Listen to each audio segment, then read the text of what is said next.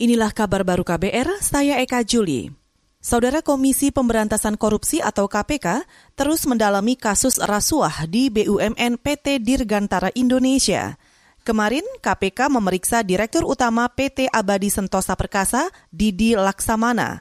Pelaksana tugas juru bicara KPK Ali Fikri mengatakan Didi diperiksa sebagai saksi untuk tersangka bekas dirut PTDI atau Dirgantara Indonesia Budi Santoso dan bekas asisten dirut bidang bisnis pemerintah Irzal Ronaldo Zailani. Karena Saksi Didi Laksamana ini adalah salah satu pemilik dari lima perusahaan mitra penjualan yang ikut berperan dalam kegiatan penjualan dan pemasaran pada PT Dirgantara Indonesia tahun 2007 sampai dengan 2017 yang diduga fiktif. Itu tadi juru bicara KPK Aldi Fikri.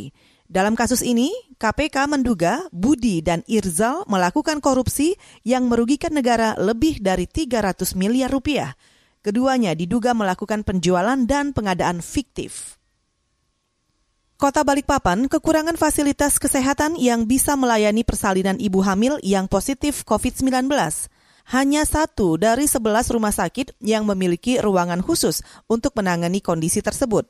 Kepala Dinas Kesehatan Kota Balikpapan, Andi Sri Juliarti mengatakan, saat ini ada 13 ibu hamil yang dinyatakan positif COVID dari sekitar 2.500 kasus. Ia mengimbau agar ibu hamil maupun fasilitas kesehatan membuat perencanaan jelang persalinan untuk mengantisipasi temuan kasus positif. Jadi ibu hamil tuh sekarang kita lakukan perencanaan yang lebih baik. Diharapkan dua minggu sebelum taksiran persalinan sudah rapid test. Jadi kalau dia reaktif kita ada waktu dua minggu untuk menswab. Nah kalau dia memang positif Tentu kan dokternya akan menentukan ini lahir normal atau perlu operasi. Kepala Dinas Kota Balikpapan, Andi Sri Juliarti menambahkan, saat ini ruangan khusus persalinan ibu hamil positif COVID-19 penuh.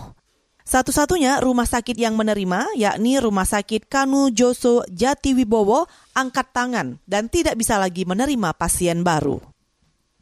Saudara Dewan Perawat Internasional atau ICN atau ICN mengungkap lebih dari seribu perawat di seluruh dunia meninggal karena COVID-19.